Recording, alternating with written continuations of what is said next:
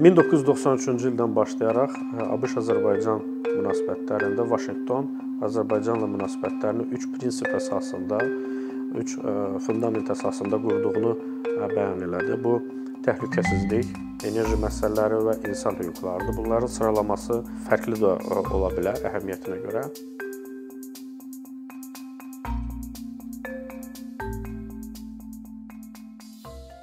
Fərqli administrasiyalar e, öz xarici siyasətlərində Vaşinqton e, bu prinsiplərdən birini və yaxud ikisini önə e, çıxarmışdı.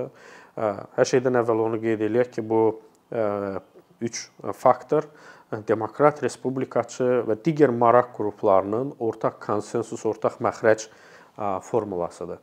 Əgər ABŞ əgər Bush administrasiyasını götürsək, burada təhlükəsizlik və enerji faktoru öndə idi. Eləcə də Clinton administrasiyası zamanında da təhlükəsizlik və enerji faktoru öndə idi.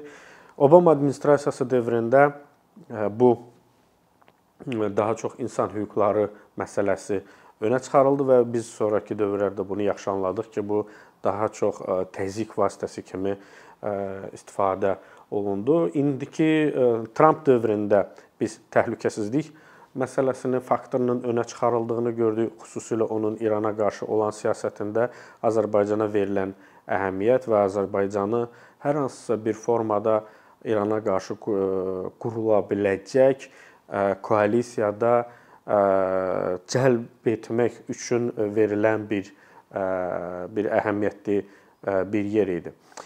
İndi üzə üzümüzə Biden administrasiyası gəlir 2021-ci ildən başlayaraq və burada biz Rus İran siyasətinin hesab eləyirlər ki, ekspertlər İran siyasətini dəyişərək artıq ABŞ-ın Vaşinqtonun xarici siyasətində əsas konfrontasiya belə də əsas ziddiyyətləri Rusiya ilə olacaq və bu zamanda biz Azərbaycana münasibətdə bunun təsirini görəcəyik. Ümumiyyətlə onu qeyd etmək lazımdır ki, 93-cü ildən başlayaraq Azərbaycan ABŞ-ın xarici siyasətində kiçik dövlət olaraq digər faktorların və digər istiqamətlərin fövqündə qiymətləndirilmişdir və yaxud da ki, o paradigmada belə deyək qiymətləndirilir. Bu ilk növbədə ABŞ-Rusiya münasibətləri, ABŞ-Türkiyə münasibətləri, ABŞ-İran münasibətləri, daha sonra bu faktorların siyahısına enerji siyasəti, və 2001-ci il 11 sentyabrdan sonra terrorizm və Əfqanistan məsələsi əlavə olundu. Tramp administrasiyası dövründə regiona münasibətdə biz eyni zamanda artıq Çin faktorunun da rolunun artdığını gördük. İndi üzümüzə gələn demək Biden administrasiyası dövründə Çin faktorunun da eyni zamanda regionun xarici regionda Vaşinqtonun istər aktiv, istər passiv siyasətində nə kimi rol oynayacağını görəcək. Əvvəlki Obama administrasiyası dövründə Çin faktoru regionda ABŞ-ın demək iştirakının və aktivliyinin aşağı düşməsi ilə korrelyasiya oldu, yəni müşahidə olundu. Bildiyimiz kimi Obama administrasiyası dövründə Pivot to Asia, Asiya strateji dönüş strategiyası elan olunmuşdu və bu zaman belə deyək Qafqaz və bölgə ikinci belə deyək, ikinci əhəmiyyətə verilmişdi. İndi üzümüzə gələn Biden administrasiyası zamanı qeyd elədiyim kimi Rusiya məsələsi daha çox önə çıxacağı ehtimal olunur. Bunun həm mənfi, həm müsbət tərəfləri var. Müsbət tərəfləri ondan ibarətdir ki, Azərbaycanı öz tərəfinə çəkmək üçün Vaşinqton nələrisə belə deyək, təklif etməyə məcbur olacaq. Yəni nəyisə nələrsə təklif etmək istəyəcək. Mənfi tərəfi isə ondan ibarətdir ki, Azərbaycanın biz bildiyimiz kimi özünün unikal bir regional ilk növbədə qonşuları ilə normal münasibətlər saxlamaq siyasəti və strategiyası var və bu siyasətin əsas məqsədi odur ki, Azərbaycan ərazisi üçüncü ölkələrə qarşı poliqon kimi və yaxud da ki, vasitə kimi istifadə edilə bilməz və buna görə də Azərbaycanın Rusiya ilə normal münasibətləri belə deyək, qıcıq doğura bilər və ona ona görə də Azərbaycana qarşı belə deyək, müəyyən təzyiq vasitələri işə salına bilər. Bu ilk növbədə insan hüquqları və demokratiya məsələsinin yenidən təzyiq vasitəsi kimi belə deyək, gündəmə gələcəyini göstərir. Digər tərəfdən münaqişə ilə bağlı yəni münaqişə ilə bağlı demək Vaşinqtonun Biden administrasiyasının tutacağı mövqe belə deyək özünü əks etdirəcək. Hələlik Biden-Harris seçki kampaniyasında biz xüsusilə iki kampaniyanın iki bəyanatını nəzərdən keçirməli. Bu bəyanatlardan biri oktyabrın əvvəlində idi. Burada nisbətən Azərbaycanın mövqeyinə uyğun və müvafiq belə deyək ifadələr var idi. Burada göstərilirdi ki, Ermənistan Dağlıq Qarabağın ətrafındakı rayonların işğalını sonsuza qədər davam etdirə bilməz ifadəsi var idi. Ancaq oktyabrın 29-unda olan bəyanatı isə bir mənalı şəkildə qəbul edilməzdi. Çünki burada Dağlıq Qarabağ xalqı ifadəsi istifadə olunur. Azərbaycana ordusunu Dağlıq Qarabağ ərazisində irəliləməsi, dayandırılması Tramp administrasiyasından tələb edir ki, məsələni qoysun. 9-7-ci düzəlişin dərhal tətbiq olunması məsələsi tələb edilir. Eyni zamanda Azərbaycan ərazisində güya ki, Suriyadan olan muzulların istifadə olunması kimi iddialar öz əksini tapır. Təbii ki, bu oktyabrın sonunda bu cür bəyanatı verməyi xüsusilə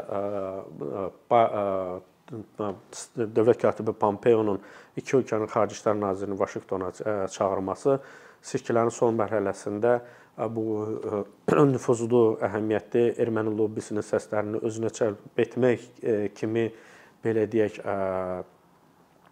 belə deyək məqamlarda öz rolunu oynam rolunu oynamışdı. Ancaq ən asın ən əsası ən problemi odur ki, bu artıq bu belə bir anlayış, formulirovka seçki kampaniyasında öz əksini tapmışdı. İndi üzümüzə gələn dövrdə Vaşinqtonun xarici siyasətində biz eyni zamanda Türkiyə-ABŞ münasibətlərinin necə olmağı çox mühüm rol oynayacaq.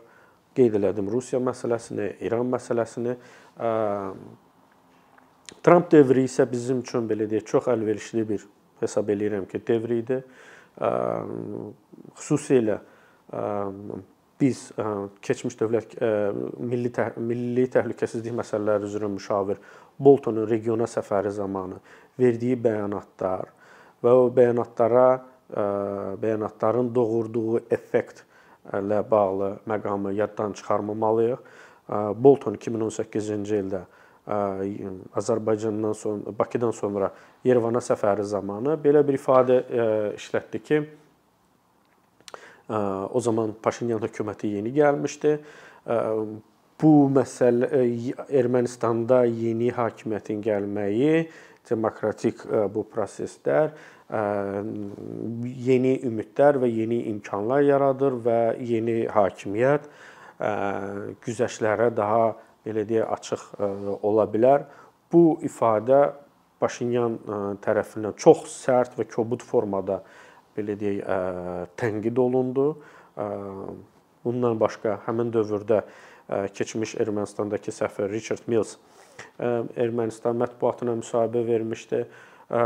Onun müsahibəsi də Ermənistanda çox belə deyək mənfi qarşıla qarşılanmışdı. Əvəzində isə biz Tramp dövründə belə deyək, ideoloji məsələlərin, digər falan məsələlərin kənara qoyulduğunu, münasibətlərin sırf iki ölkənin milli maraqları, strateji milli maraqları və praqmatik maraqları əsasında qurulduğunu gördük. Azərbaycana bu dövrdə ABŞ tərəfindən 120 milyon dollara yaxın hərbi yardım göstərildi. Halbuki həmin dövrdə Ermənistana e, heç bir hərbi yardım göstərilməmişdi və bu məqam e, mənim yadımdadır ki, ABŞ-dakı erməni lobbisinin üzvlərini e, belə deyək, çox dəhşətə, çox hiddətləndirmişdi, əsəbləşdirmişdi. Bundan başqa bir başqa bir maraqlı məqam bu yay ərzində biz mənim üçün məsəl üçün bir qədər təəccüblü olan məqamı oldu ki, 2021-ci il üçün müdafiə aktı haqqında qanununda əlavə edildi və o orada işğal edilmiş Azərbaycanın işğal edilmiş ərazilərindən qaçqınların, məcburi köçkünlərin statusu və qətlə yetirilmiş şəxslərlə bağlı konqresə hesabat verilməsi ilə bağlı əlavə təklif əlavə olunmuşdu. Bu məqam çox maraqlı, həm də təəccüblü məqam idi. Biz bunu hər halda yəqin ki, ABŞ demokratların konqresi çünki demokratlar nəzarət eləyirlər, demokratların bir Rusiya siyasətinin tərkib tərkibi kimi qiymətləndirə bilərik. Çünki burada ilk növbədə Ukrayna, Moldova, Gürcüstan bu bunun fövqündə Azərbaycanda ora əlavə edilmişdi. Həmin o demokratların nəzarət elədiyi konqres bir qədər bir neçə ay əvvəl belə deyək erməni dırnaqarası erməni soyqırımının tanınması ilə bağlı qətnamə də qəbul eləmişdi. Ona görə bu məqam çox sevindirici həm də təəccüblü məqam idi. İndi üzümüzə gələn belə deyək Obama Biden administrasiyasının müsbət məqamı ondan ibarətdir ki, Obama administrasiyası kimi onlar belə deyək yeni və səriştəsiz şəxslər deyillər xarici siyasətlə bağlı. Artıq bir təcrübələri var. İstər Blinken olsun, dövlət katibi vəzifəsinə irəli sürülmüş, istər Sullivan olsun, Sullivan məsəl üçün regionda münaqişənin münaqişənin detalları ilə bağlı beynəlxalq böhran qrupunun da bu həmin müddətdə çalışaraq müəyyən təcrübələri də var, əlaqələr də belə deyək, kontaktları da qura bilib və ona görə belə deyək, professional komanda var. 2000 ilin əvvəlindən olan faktda belə bir mətbuatda məlumat getmişdi ki, 2000 nəfərdən ibarət xarici siyasət, beynəlxalq münasibətlər, təhlükəsizlik və kəşfiyyat ekspertlərindən ibarət bir qrup yaradılıb, tədqiqat qrupları yaradılıb, sub alt qruplar yaradılıb və onlar belə deyək Biden hakimiyyətə gələndən sonra dərhal xarici siyasətlə məşğul olacaqlar. Bir qədər belə deyək Obama dövrünün xüsusilə Rusiya ilə bağlı illüziyaları və reset siyasəti yenidən başlama siyasəti bu illüziyalar devri olmayacaq. Artıq müəyyən nəticələri özləri üçün çıxarıblar. Belə deyək, əslində biz bütün bu proseslər fövqündə onu deyə bilərik ki, maraqlı bir dövrə daxil oluruq. Mən bir məsələni çox təəssüflə qeyd etmək istəyirəm ki, bizdə ictimaiyyətdə ABŞ xarici siyasəti və regiondakı siyasətlə bağlı